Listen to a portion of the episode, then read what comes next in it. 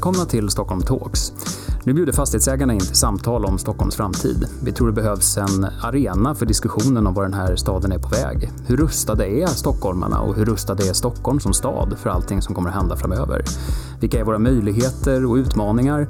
Och inte minst, vad gör stockholmarna glada? Vad gör att våra besökare vill återvända? Du är välkommen att lyssna, men du är också precis lika välkommen att delta i det samtalet som alla stockholmare behöver vara med i. Varmt välkommen till eh, ännu en episod av Stockholm Talks som är Fastighetsägarna i Stockholms plattform för diskussioner om framtiden. Och vi etablerade den här plattformen precis innan det att pandemin slog till med utgångspunkt att eh, skapa liksom ett forum för att diskutera framtiden. Eh, sen kom pandemin och eh, givetvis har vi ägnat oss mycket åt att fundera på vad av de nya, eller vilka av de nya beteenden som vi nu har tillägnat oss, mycket till följd av restriktioner, kommer vi behålla? Och vad kommer det betyda för Stockholm?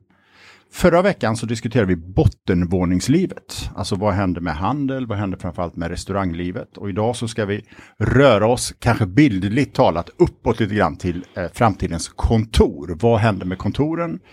Och otvetydigt så, så är vi inne i en diskussion där väldigt många funderar på frågan. Hur ser framtidens kontor ut? Hur kommer vi jobba i framtiden? Hur mycket kommer vi jobba på distans? Och det är frågan vi ska ställa oss idag och vi ska framförallt ställa oss frågan vad det betyder för Stockholm. Och med oss har vi Ann-Marie Andrich. Du är HR-chef på Husqvarna. Tidigare varit på iSettle och Magnus Bärenfeldt som är chef för stadsutveckling på AMF Fastigheter, en stor fastighetsägare i Stockholm som har jobbat med många stadsutvecklingsprojekt och fortfarande jobbar. Jag tänkte fråga, börja med en väldigt öppen fråga. På vilket sätt skulle ni säga att pandemin förändrar hur vi arbetar? Ann-Marie? Jag börjar. Eh, ja, på vilket sätt förändrar pandemin? Jag skulle nog vilja säga att den föränd lite beroende på eh, vilket bolag, vilken industri man kanske tittar på i, i eh, jag skulle börja där. Av den enkla anledningen att det som har hänt nu under pandemin det är att den så kallade digitaliseringen har accelererat. Så de bolag som kanske inte har jobbat så mycket eh, digitalt, virtuellt, använt tekniken som ett samarbetsverktyg och kanske inte har jobbat i globala företag eh, där det här har varit liksom en naturlig komponent. Eh, de har ju onekligen under det här året hamnat i ett eh, träningsläger kan man säga, forcerat träningsläger. Där de har eh, helt enkelt varit tvungna att jobba virtuellt. För det har helt det har inte vi har inte och hur, kunnat jobba. Husqvarna, det företag du jobbar på idag. Ja. Har ni legat i träningsläger eller har ni, var ni laddade och redo innan? Exakt, och det är väldigt roligt att du nämner Husqvarna. För om jag skulle liksom beskriva Husqvarna, och jag började i, i Husqvarna för två år sedan. Eh, och eh, då var vi, och jag ska komma till var vi är idag någonstans, men då var vi ett företag som reste väldigt mycket. Vi var ett, eh, ett företag som oavsett om vi hade två timmars möten eller om vi hade heldagsmöten så reste vi till en plats. Och vi är ett bolag som finns i hela världen, i 50 länder, det är 14 000 anställda, så det är ett globalt företag. Eh, men vi var ett så kallat face-to-face företag och jag eh, minns att jag vid ett par tillfällen eh, ställde frågan, men vi har ju Skype, vad är det som gör att vi inte använder Skype? Vi använder inte chatten eh, till den utsträckningen som vi kunde och vi hade inte så många, eh, eh, så många virtuella möten helt enkelt. Och svaret jag fick då, och det här tror jag är eh, inte enkom Husqvarna. Jag tror att det är för många bolag så såg det ut på det här sättet. Att ja men eh, hur ska vi, om vi inte möts, hur ska vi då veta att vi arbetar? Så att det, det fysiska mötet var på något sätt jämställt med att då arbetar du. Det som hände då, eh, det som hände då under pandemin, det var ju såklart att när vi i februari-mars insåg att vi kommer inte kunna resa mer. Eh, vi har fortfarande en verksamhet och en produktion framförallt som vi måste upprätthålla eh, under, under pandemin. Ja, då hamnar vi ju såklart i ett virtuellt läge och då helt plötsligt så gick det alldeles utmärkt att arbeta med både Skype och Teams som vi arbetar i nu. Eh, så att jag skulle nog vilja säga att vi har både kulturellt gjort en förflyttning eh, eh, under det här året eh, och det är såklart att det också kommer att påverka vår resa framåt och hur vi ser på arbete eh, och jag kan ju jag kan ju ärligt säga att det bolaget som vi var för ett år sedan eh, är inte det bolaget som vi är idag. Eh, när det gäller Om vi blickar ett år framåt, mm. kommer ni vara det bolag ni är idag? Nej. Vad kommer ni vara? Eh, vi kommer att vara ett bolag som ehm, ehm, eh, som ser på arbete som någonting som vi gör och inte en plats vi går till. Eh, vi kommer att vara ett bolag som har eh, stöpt om våra kontor eh, där kontoren är mer sociala mötesplatser. Det kommer att finnas plats för arbete såklart, också fokuserat arbete, men det kommer vara platser som är mer kulturella hubbar än vad de är idag. Idag ser våra kontor ut, det finns en, eh, en arbetsplats per medarbetare och alla har en egen sittplats. Inte så mycket sociala ytor, så det här kommer ju såklart förändras. Själva platsen kommer förändras. Är ni mitt inne i det nu eller? Jag ska säga så här att vi har eh, vi har tagit tillfället i akt också under det här året att fundera lite på vad betyder det här för oss? Mm. Eh, hur ska vi arbeta framgent? Eh, så vi har liksom tagit ett steg tillbaka medan vi har varit i det här så kallade träningslägret och funderat på vilka är vi? Eh, vart är vi på väg? Hur ser vår verksamhet ut? För det man ska komma ihåg också med Husqvarna är vi har ju inte bara kontorsanställda, vi har ju även väldigt mycket produktion. Vad betyder det här för produktionen och hur ska vi, vi liksom arbeta i, i, i produktion också? Eh, så att vi har gjort ett antal eh, undersökningar, vi har haft nära dialog med våra medarbetare för att också komma fram till att vad är det för modell som passar oss bäst?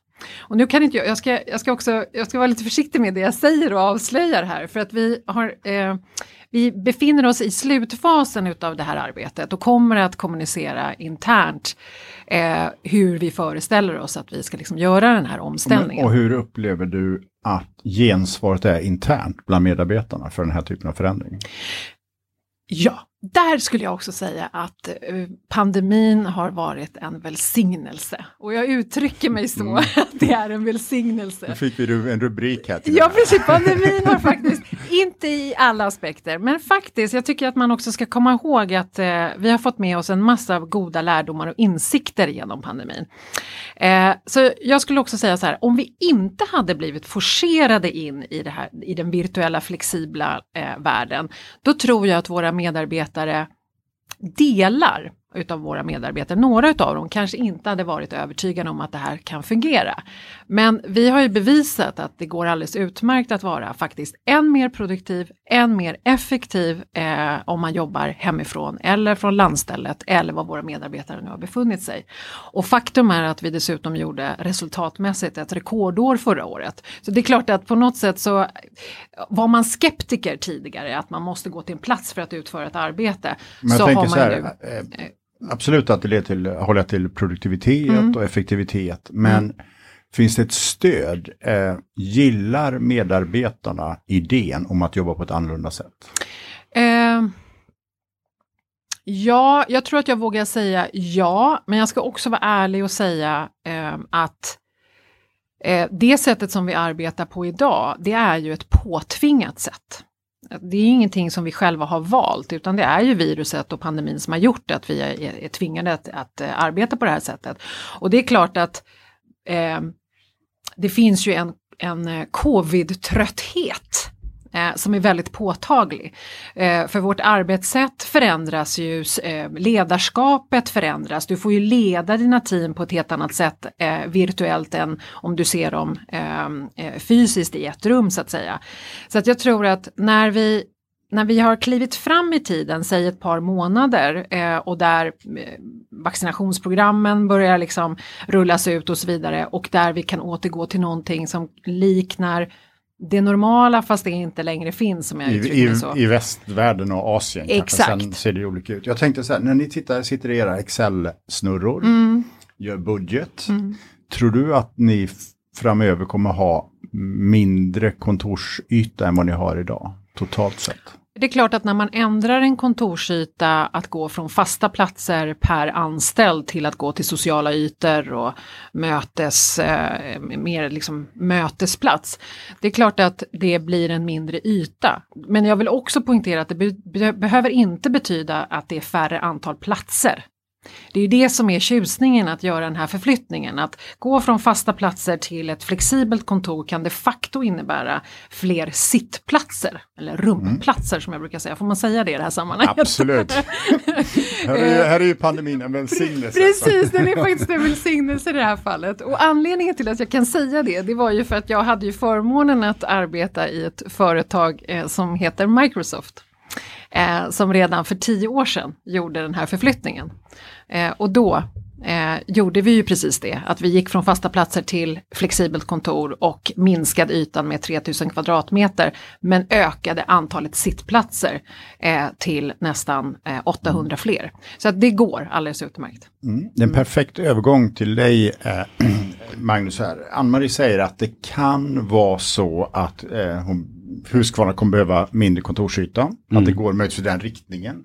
Just det. Eh, du jobbar på AMF Fastigheter. Ni har ju eh, mycket och många eh, hyresgäster på mm. kontorssidan. Mm. Vad hör du? Nej, men vi hör massa olika saker, är det ärliga svaret och då mm. blir det ett brett svar. Eh, för det är ju som så att utgångsläget var redan innan pandemin olika för olika bolag. Man hade gjort olika eh, initiativ, saker egentligen på sitt bolag. Eh, valt vad man hade satt sig, kanske vissa hade gjort väldigt aktivt, vilka grannar man ville ha. Vissa hade kanske inte tänkt så mycket på det utan kanske tittat mer funktion. Då kan det vara allt ifrån hur tar man sig till och från jobbet, garageplats, ett skrivbord per person. Så att resan var redan innan pandemin olika. Det kommer den givetvis vara efter pandemin. Men jag tror någonting som kan bli intressant, det är att titta och lyssna nu direkt efter pandemin. För den ter sig ganska snarlikt för många. Att vad har man då upptäckt? Vad har man då upplevt? Hur är det att jobba hemifrån? Hur är det att vara på hemmabana och producera? Uh, hur känner jag då som medarbetare? Vad är det jag saknar? Och så vidare och så vidare. Här tror jag att man kan få ett ganska bra frågebatteri och ganska uh, bra svar som fastighetsägare, men givetvis som bolag. Eh, och det blir intressant, så man får ta nästan utgångsläget. Var befann sig bolaget innan pandemin? Så tar man liksom allt man hör, vad hände under pandemin? Och så får man liksom fortsätta den resan. Och det är klart att den kommer fortsätta olika för flertalet bolag också. Men jag tror att det kommer finnas vissa saker som kommer vara tämligen likt för att redan börja ge svar på frågan. Eh, men vad vi tycker oss höra, sammanhanget är viktigt. Eh, det är det jag tror är liksom kontorets primära uppgift. Det är inte arbetsplatsen, det är inte inställelsetid 9 till 5, det är inte det vi, vi vill och ser och hör och känner. Utan det är att komma in i ett sammanhang, att kunna eh, skapa, skapa i, i mångt och mycket. Hemma kan jag producera, men jag måste någonstans för att skapa, hamna i ett sammanhang, hamna bland kollegor, hamna i miljö som också inspirerar. För jag, vi jobbar också med Teams. Jag tycker Teams är en jättebra, fantastisk produkt, men men det krävs ju ibland lite här och var, för mig i alla fall, på en tisdag eftermiddag och liksom komma i stämning inför mötet. När jag är på kontoret så behöver jag faktiskt aldrig göra det. Det räcker med att jag ställer mig i kaffemaskinen och hör samtalen runt omkring mig. Jag behöver inte ens vara delaktig i samtalet, utan det inspirerar, det ger mig energi till nästa möte och nästa möte, för jag tror att vi många känner att vi sitter i många möten. Mm. Men den här rörelseriktningen mm. som Ann-Marie pratar om, från arbetsplatsen där man har sin fasta arbetsplats till mm. mer av en social yta. Upplever du att det är en rörelse som många av era kontorshyresgäster befinner sig i? Och har, ja, ja och har befunnit, och har befunnit sig. sig. Men, men, men kanske en ökad hastighet? Tro, jag, jag, så här ska jag säga, många har nog tittat på det, gjort det, kanske gjort det lite för lätt för sig. Jag tänker att vi, vi väljer någonting som finns där, läs typ aktivitetsbaserat kontor, tänker man, det är, en, det är en rörelse, det är en förflyttning, den måste vi nog haka på. Det kanske inte var den rätta rörelsen som det bolaget skulle hoppa på. Nu tror jag att väldigt många har ställt sig frågan igen, bolag, och det tror jag kan bli väldigt intressant att få höra på svaren. Vad, vad, vad innebär det faktiskt för ert bolag? Vad var viktigt för er? Mm. Vissa bolag kanske kommer till och med att svara att det har fungerat fantastiskt att jobba hemifrån. Ja, men då ska inte de ha ett kontor.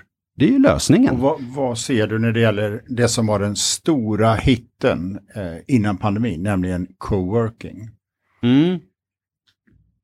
Coworking egentligen handlar ju väldigt, väldigt mycket om att hamna i ett sammanhang jag som individ eller som litet bolag som det oftast är på coworking, då pratar jag medlemskapsytor. De har ju oftast en private office-del som kan vara tämligen stor eller en del av ett, ett stort bolag helt enkelt. En utbrytargrupp, eller så.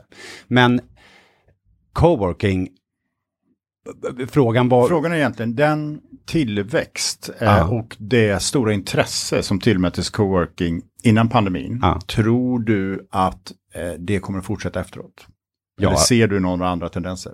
Nej, jag, jag, jag, jag, ser att det kommer att fortsätta. Däremot så har ju coworking blivit mer eh, någonting alla har kännedom om på ett, på ett, på ett på liksom djupare plan, höll jag på att säga. Så, det, så att coworking som, som begrepp och som, som funktion och så, så, som, som erbjudande behöver ju vässa till sig, tror jag något. Jag tror att vissa aktörer kan ha det lite jobbigt nu när vi kommer ur detta. De har egentligen bara kontorsyta. Medan många har någonting annat, någonting mer. Och det är därför jag tror att man söker, eh, söker sig till en coworking-aktör. Både med del av bolag eller hela bolaget, beror ju på vilket bolag man är. Mm, jag tänkte slå fast en sak här, så får vi se om ni delar den uppfattningen. Men det är ganska basalt. Men det är egentligen så här att vi, vi går från eh, ett arbetsliv när vi har haft väldigt mycket fokus på kontoren till att i olika grad jobba mycket friare, låta människor jobba mer på distans. Låt oss kalla det för att vi jobbar mer hybrid. Eh, om det är så då, då tänker jag så här att vad, vad tror vi krävs för detta exempelvis när det gäller ledarskap? Ann-Marie, du, Mm. du pratar ju om kultur, nämnde du flera gånger. Man pratar ibland om en distanskultur eller remote-kultur. Mm. Men tror du att det här kommer få stora effekter kring på hur vi leder företag och så vidare? Mm, det tror jag att det kommer få. Eh, och precis som, som du var inne på Per, just det här med att Alltså det här sättet att arbeta på, det fin- jag, jag, jag skulle säga att det finns tre komponenter. Det finns människan, det finns platsen och det finns tekniken. Och tekniken är en förutsättning för att det här överhuvudtaget ska fungera. Eh, att man ska kunna jobba vart man vill. Platsen har vi pratat om att den, den kan man ju också styra och öppna upp eller liksom ha fokuserade ytor eller sociala ytor och så vidare. Eh, men människadelen, den är så pass viktig och den hänger ihop med eh, eh, ledarskapet, den hänger ihop med synen på vilka är vi, vad står vi för, vad har vi för verksamhet. Eh, så att det är klart att det kommer att få en påverkan. Jag tänkte på det du var inne på när du pratade om att det var några, att eh, företag, vissa företag har redan levt i det här så kallade aktivitetsbaserade arbetssättet. Eh, vissa har lyckats väldigt bra, andra har kanske inte lyckats lika bra och vad är lärdomarna? Jo, och då skulle jag säga så här, lärdomarna är ju precis det som du var inne på Magnus. Eh, det var ju att eh, man kan inte som bolag titta på vad andra bolag gör. Man måste, börja, man måste göra sin egen hemläxa. Man måste börja med vilka är vi, vad har vi för verksamhet, vad passar för oss? Eh, för att Gör man inte det, utan man kopierar ett Spotify eller ett Microsoft eller ett Husqvarna eller vilka bolag man nu tar inspiration utav, då kan man lätt gå fel. Och där kan det då bli så att människor tappar bort sig själva. De vet inte. Eh, ska jag vara på kontoret, ska jag inte vara på kontoret? Vilka för, vilka, eh, eh, hur ska jag leda mitt team? Så att eh, arbetsgivarna blir utmanade eh, och jag skulle vilja säga bör bli utmanade och tänka till. Hur ska vi stötta både våra chefer och med, våra medarbetare genom den här resan och, dels, och, och sen också när vi väl liksom har tagit oss igenom den här resan, vad betyder det här för oss? Och jag tror också så här att det här är någonting som kommer att förfinas, utvecklas, det här är en rörelse, vi kommer lära oss vad funkar, vad funkar inte. Vi kommer kunna fortsätta ta inspiration, men jag tror att man gör sig själv en jätte, jättestor tjänst om man börjar titta på vad står vi idag, vilka är vi, vart är vi på väg och inte så mycket sneglar på vad andra gör. Jag tänker så här, du jobbar ju på ett ganska stort företag Mm. med, globalt med ganska stora resurser. Om du skulle jobba på ett mindre företag, Mm. vi säger kanske med 10-20 anställda. Hur skulle du tänka då? Skulle du se att det finns någonstans där man också kan inspireras? Du tänker bolag som man Mm. kan inspireras. Ja, men då skulle jag väl kanske titta på bolag som är snarlika i Mm. verksamhet. Alltså det är väl där jag tror att om man nu ska hitta någon inspiration så titta på bolag som är snarlika i verksamhet och ehm, ta kontakt med dem. Och vad, liksom, vad, vad började ni eh, och vad har ni lärt er? För det är klart att man kan ju, man behöver inte göra de uppenbara misstagen om det är någon annan som redan har gjort dem. Eh, så att det skulle jag vilja göra. Eh, och sen också, hur, sen skulle jag också som det bolaget fundera lite på det bolaget vi är idag är ju en sak, men hur ser vi ut om två, tre, fyra, fem år och någonstans försöka skissera upp en plan för eh, de åren framöver. För om man är ett lokalt företag idag men har en resa att bli ett globalt företag, ja det är klart, då måste man ju också börja titta på hur blir vi ett globalt företag? Vi kanske ska prata lite om talangerna så småningom. Ja, men absolut. Jag tänker också så här, för att om vi, om vi kommer in på det så har vi ju länge pratat om att platsen där man lokaliserar sitt kontor spelar en väldigt stor roll. Inte mm. bara den enskilda fastigheten eller kontoret utan även hela den omtillliggande eh, omgivningen. Mm. Vi har pratat om att närheten till eh, transporter är väldigt viktigt. Det kanske minskar något på sätt och vis nu. Men skulle du, skulle du säga, eller om man tar, tar dig Magnus, att förändra det här på något sätt vad som skapar attraktion för en stad eller stadsdel som vill attrahera kontor? Om, om pandemin just har förändrats? Ja, att, att vi får ett annat sätt att arbeta där arbetsplatsen går mer från att vara kanske mer statisk plats där man arbetar till att bli mycket mer fokuserad på en social yta och kanske mer upplevelsebaserat på olika sätt. Jo, jo, men det tror jag, men även här tror jag faktiskt att Sverige har gått, kommit ganska långt på den här resan. Jag, jag själv lite, lite irriterad ibland när jag läser väldigt mycket om vad som händer i USA eller i England och så. Det är inte riktigt så, vi kan inte riktigt jämföra oss med dem, många av oss i alla fall, utan vi måste titta på våran stad eller vårat land, för det är där mycket av förutsättningarna finns. Det vill säga att varför vill jag, någon, etablera sitt kontor eller sin, sitt bolag i Sverige. Och de, det är väldigt många faktorer som spelar in. Givetvis har, har ju liksom hur, hur, hur lätt kan jag rekrytera, men samtidigt Ja, det kanske man kan göra globalt. Det, det, har väl visat sig att man kan ha möten globalt, då borde man kunna rekrytera och nyttja kraften liksom i, i alla länder. Men då vill man ha andra parametrar, lättillgänglighet, hur lätt är det att få bostad, skola, förskola.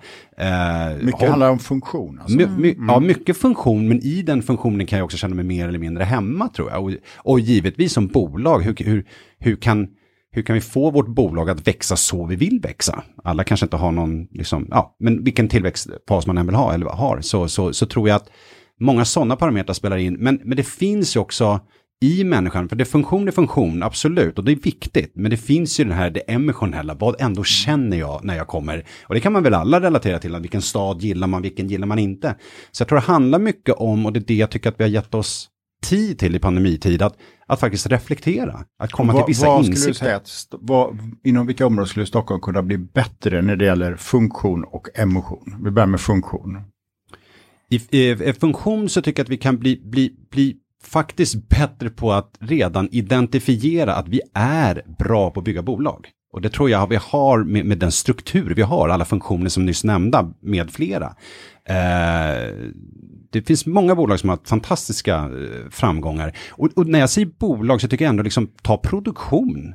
Ta hur vi gör Melodifestivalen, bara som ett exempel. Det, det är fantastisk produktion. Bara, hur, hur, kan vi, hur lyckas vi med detta? Då tror jag man har organisation att göra. Och nu börjar vi komma in i de emotionella värdena. Att, att vi är bra, tycker jag, på att bygga bolag för att vi delar med oss. Vi bjuder till. Vi, vi, vi får oss själva att synas och därför tror jag också som Anna du säger, det, där covid-tröttheten, den, den, den, man kan ta på den nästan man går på stan. Är, vi är så trötta för vi vill inte vi, vi, pratar om att vi vill sitta där ute i skärgården med en laptop och, och jobba lite flexibelt, men vi vill inte det. Jag tror inte det faktiskt. Men jag tänker så här, om vi, om vi tar Stockholm som plats, alltså ja. när det gäller funktion, du, du pratar här eh, boende, transporter, mm. eh, social service, eh, handel. Mm. Är det någonstans där du känner att Stockholm skulle kunna rusta sig för att vara en attraktiv plats för företag och talanger? Eh, ja, eh, det, det, är klart att det gör. Eh,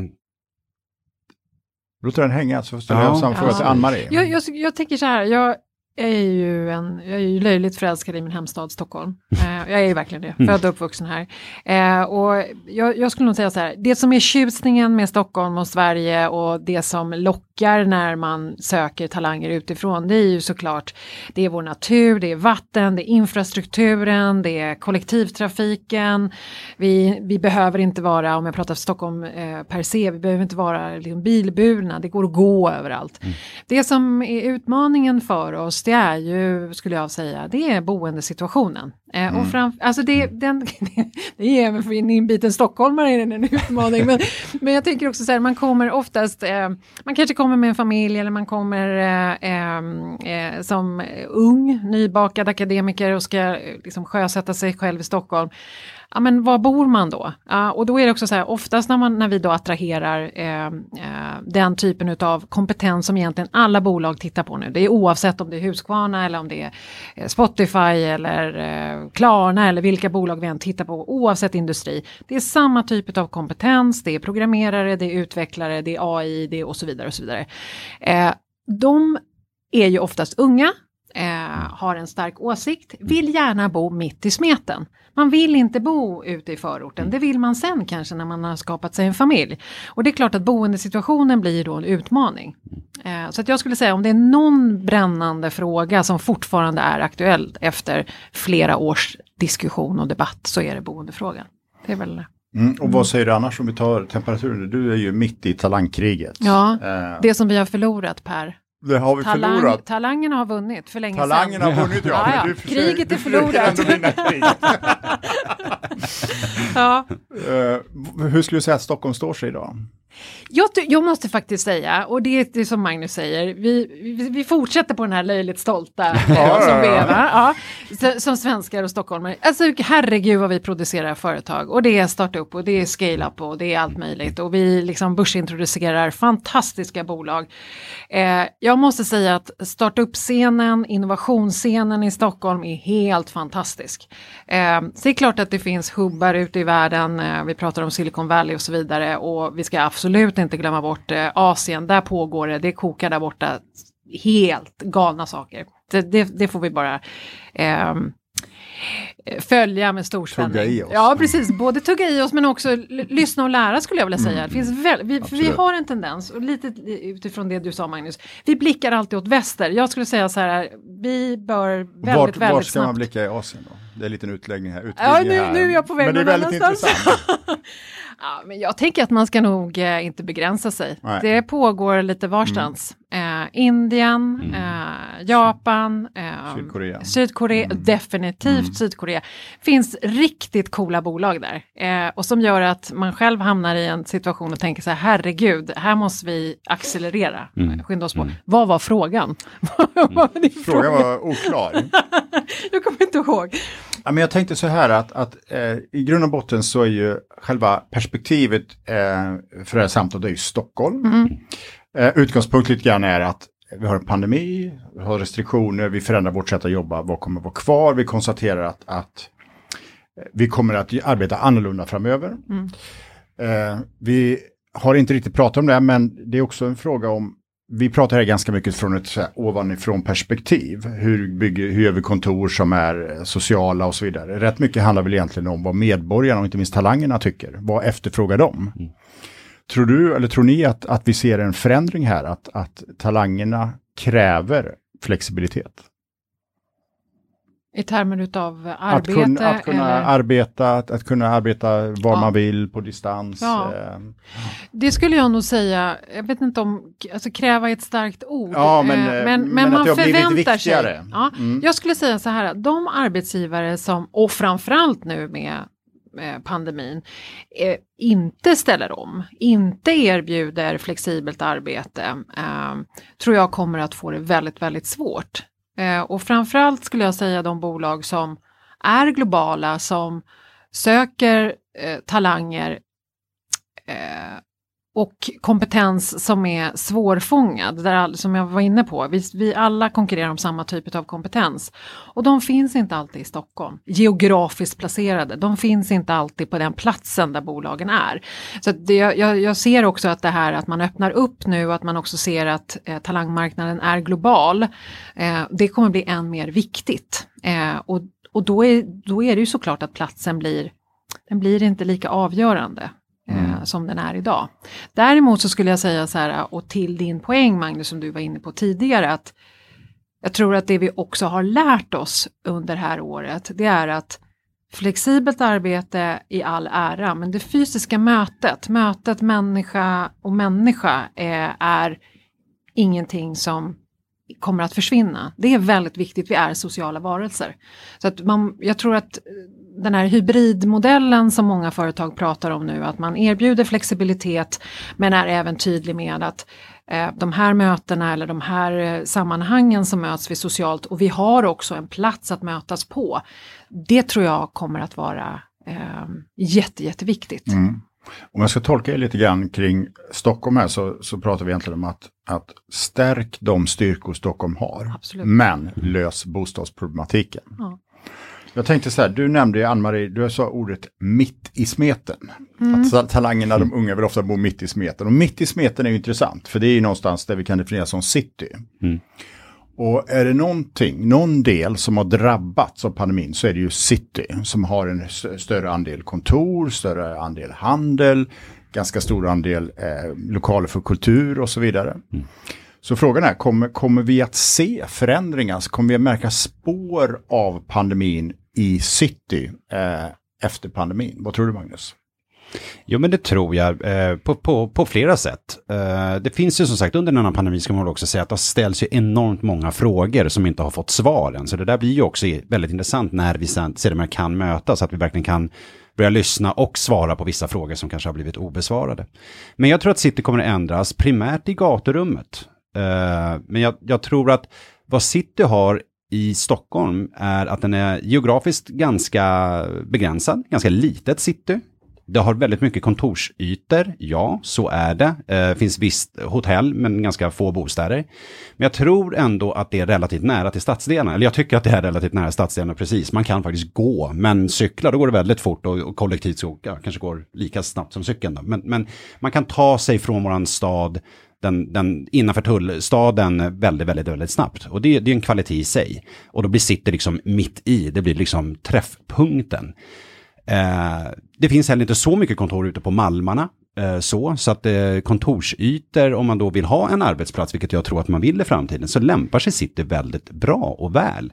Det står på ett sammanhang, det har visat sig tidigare i alla fall, att det är någonting man tycker som talang, att man gärna vill, det är där man vill sitta. Eh, sen vill man självklart ha närheten till, då är boendefrågan uppe igen, men om vi bortser från den, så tror jag att City fortfarande har en, en klar potential att, att, att, fortsätta vara det den var innan pandemin. Men gaturummet kommer ändras med sitt innehåll. Och vad kommer vi få se i gaturummet tror du?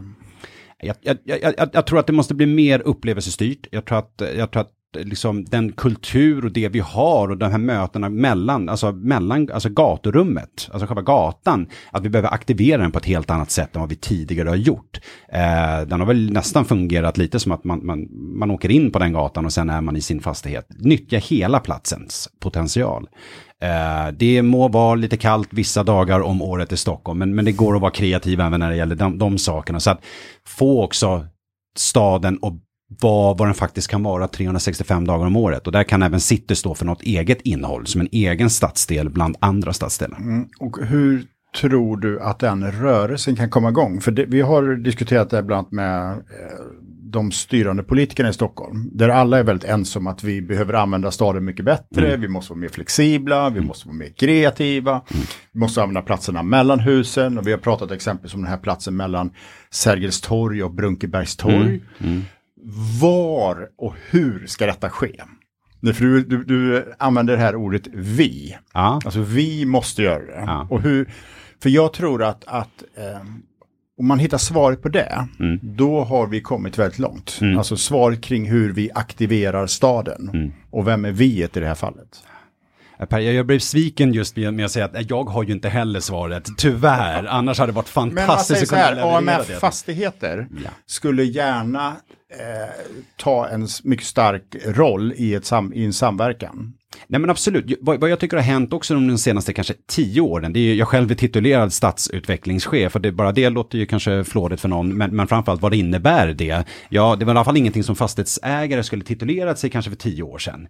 Men det är väl ett sätt för oss att visa både i, i, i titlar, men även framförallt i vårt engagemang, och jag är inte ensam på med fastigheter, att just försöka jobba med den här typen av frågor. Men skulle exempelvis den lokala politiken kunna göra någonting? Jag, jag, jag, tror, jag, jag tror verkligen, alltså dialogen, lyssnandet och samtalet emellan, och jag tycker det har hänt en del i vår stad. Fantastiska saker. Eh, vi behöver fortsätta, vi behöver våga och fortsätta och släppa in. För det tror jag faktiskt är mitt svar sådär nu tänkt 15 minuter senare. På att bostadsfrågan absolut, men jag tror att vi är med risk för att, sådär, vi är lite för fega. Vi, det, varför ska man bosätta sig i Stockholm? Öppna upp armarna lite mer, omfamna oss och snart får vi göra det också. Så visa verkligen att, och i det så kan liksom all, all den här kulturen som kommer till vår stad få, få, få ta, gör ett större intryck. Mm. Och i det, vad är det? Inte vet jag, då kanske det är karnevalvecka. Det, det kan vara vad som. Jag är nog inte bäst lämpad till att, till att liksom exemplifiera, men jag tror vi har enormt mycket potential i vår stad med, med närhet, med, eh, med, med det vackra. Och det Så finns mycket rum att det använda. Finns väldigt det finns mycket tak, rum. det finns gaturum, det finns platser vid vattnet. Och fastighetsägare måste självklart ja. dra sitt strå till stacken, mm. att bjuda in, alltså mm. öppna upp sina fastigheter för, för olika typer av innehåll. Till, till, det finns ju ljusgårdar som är fantastiska och då är vi till och med under tak och ganska varmt, mm. brukar det vara. Men jag tycker på temat, jag tycker att det har hänt väldigt mycket de senaste åren och eh, just det området som, som du nämnde Per med Brunkebergstorg, Malmskillnadsgatan, området kring Gallerian eh, där AMF såklart har varit en, en bidragande och drivande faktor. Men eh, Eh, och jag, jag, tycker att gaturummet, jag har fått lära mig ett nytt ord här, gaturummet eh, har blivit mer levande mm. i just de kvarteren. Och sen mm. också att vi nyttjar taken. Alltså mm. det är helt fantastiskt. Eh, och det är klart att vi ska nyttja taken i Stockholm med tanke på vår stad och mm. utsikt. Så att det, det, finns ju massa möjligheter. Mm. Mm. Bra. Jag tycker att vi börjar närma oss ett eh, slut här och tack för ett samtal som har varit väldigt hoppfullt. Ja. Eh, väl, på vissa sätt en välsignad eh, pandemi. Men också egentligen ett konstaterande att Stockholm har väldigt goda förutsättningar. Att det kanske handlar väldigt mycket om att ta vara på de styrkor vi har och mm. kanske att våga vara lite mer tillåtande, experimentella. Så, och därmed säger jag tack till dig Ann-Marie och tack till dig Magnus. Eh, och Oskar Öholm, du är vd på Fastighetsägarna i Stockholm. Du har hört detta samtal. Det är uppenbart att fastighetsägarna eh, i Stockholm kommer spela en nyckelroll eh, i utvecklingen framöver. Vad är dina reflektioner? Men oerhört intressant att följa samtalet. En sån där reflektion som man gör, det är ju att mycket av diskussionen är så här att allting går att göra någon annanstans. Det är ju på något sätt hela, hela vår tid. Man kan jobba varifrån som helst, man kan beställa saker varifrån som helst, man kan liksom uppleva saker digitalt, man behöver inte finnas på plats. Och så har vi fastighetsägarna som liksom har sin affär på en väldigt specifik plats. Det är liksom huset går inte att flytta. Det, riktigt så långt har vi inte kommit. Och det tycker jag att det här samtalet liksom, man kommer in på de här delarna av att den kulturella förändringen, men att man, som Ann-Marie var inne på, att alla bolag måste göra sin läxa. Jag tror också att en slutsats är att alla städer kommer behöva göra sin läxa. För det är precis detta med att få ihop de olika delarna. Vad, vad är innehållet i huset är en sak, det har man jobbat med jättelänge, men nu, nu ser man ju också hur det hänger ihop med liksom platsens erbjudande som sådant, ytan mellan husen på något sätt, och att det där samtalet behöver föras av alla de parterna tillsammans. Mm, och om du då vore borgmästare, eh, vilken läxa skulle du tänka att just Stockholm skulle behöva göra? Ja, det första är att inte tro att det här kommer att bara lösa sig självt. Jag tror, å ena sidan så ska man säga det att det var ju ett positiv stämning i det här samtalet och det tror jag är grundat också, eller det är rimligt att ha det för att vi har ganska goda förutsättningar. Nu pratade vi kontor i det här samtalet och det är klart att vi är en stad där det varit kontorsbrist väldigt länge. Det är klart att det är en bättre ingång när, när vi börjar om efter krisen.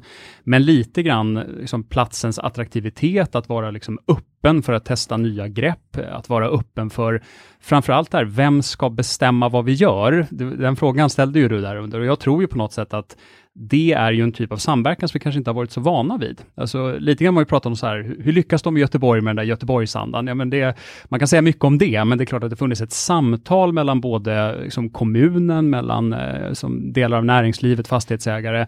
Det där kanske vi kan lära oss en del av de positiva sidorna utav det. Mm, och när, när du eh, pratar med dina medlemmar, de som är medlemmar i Fastighetsägarna, känner du att det finns en vilja från fastighetsägare runt om i Stockholm att ta ett större, ett större ansvar och en större roll när det gäller just det där att samverka för att utveckla staden?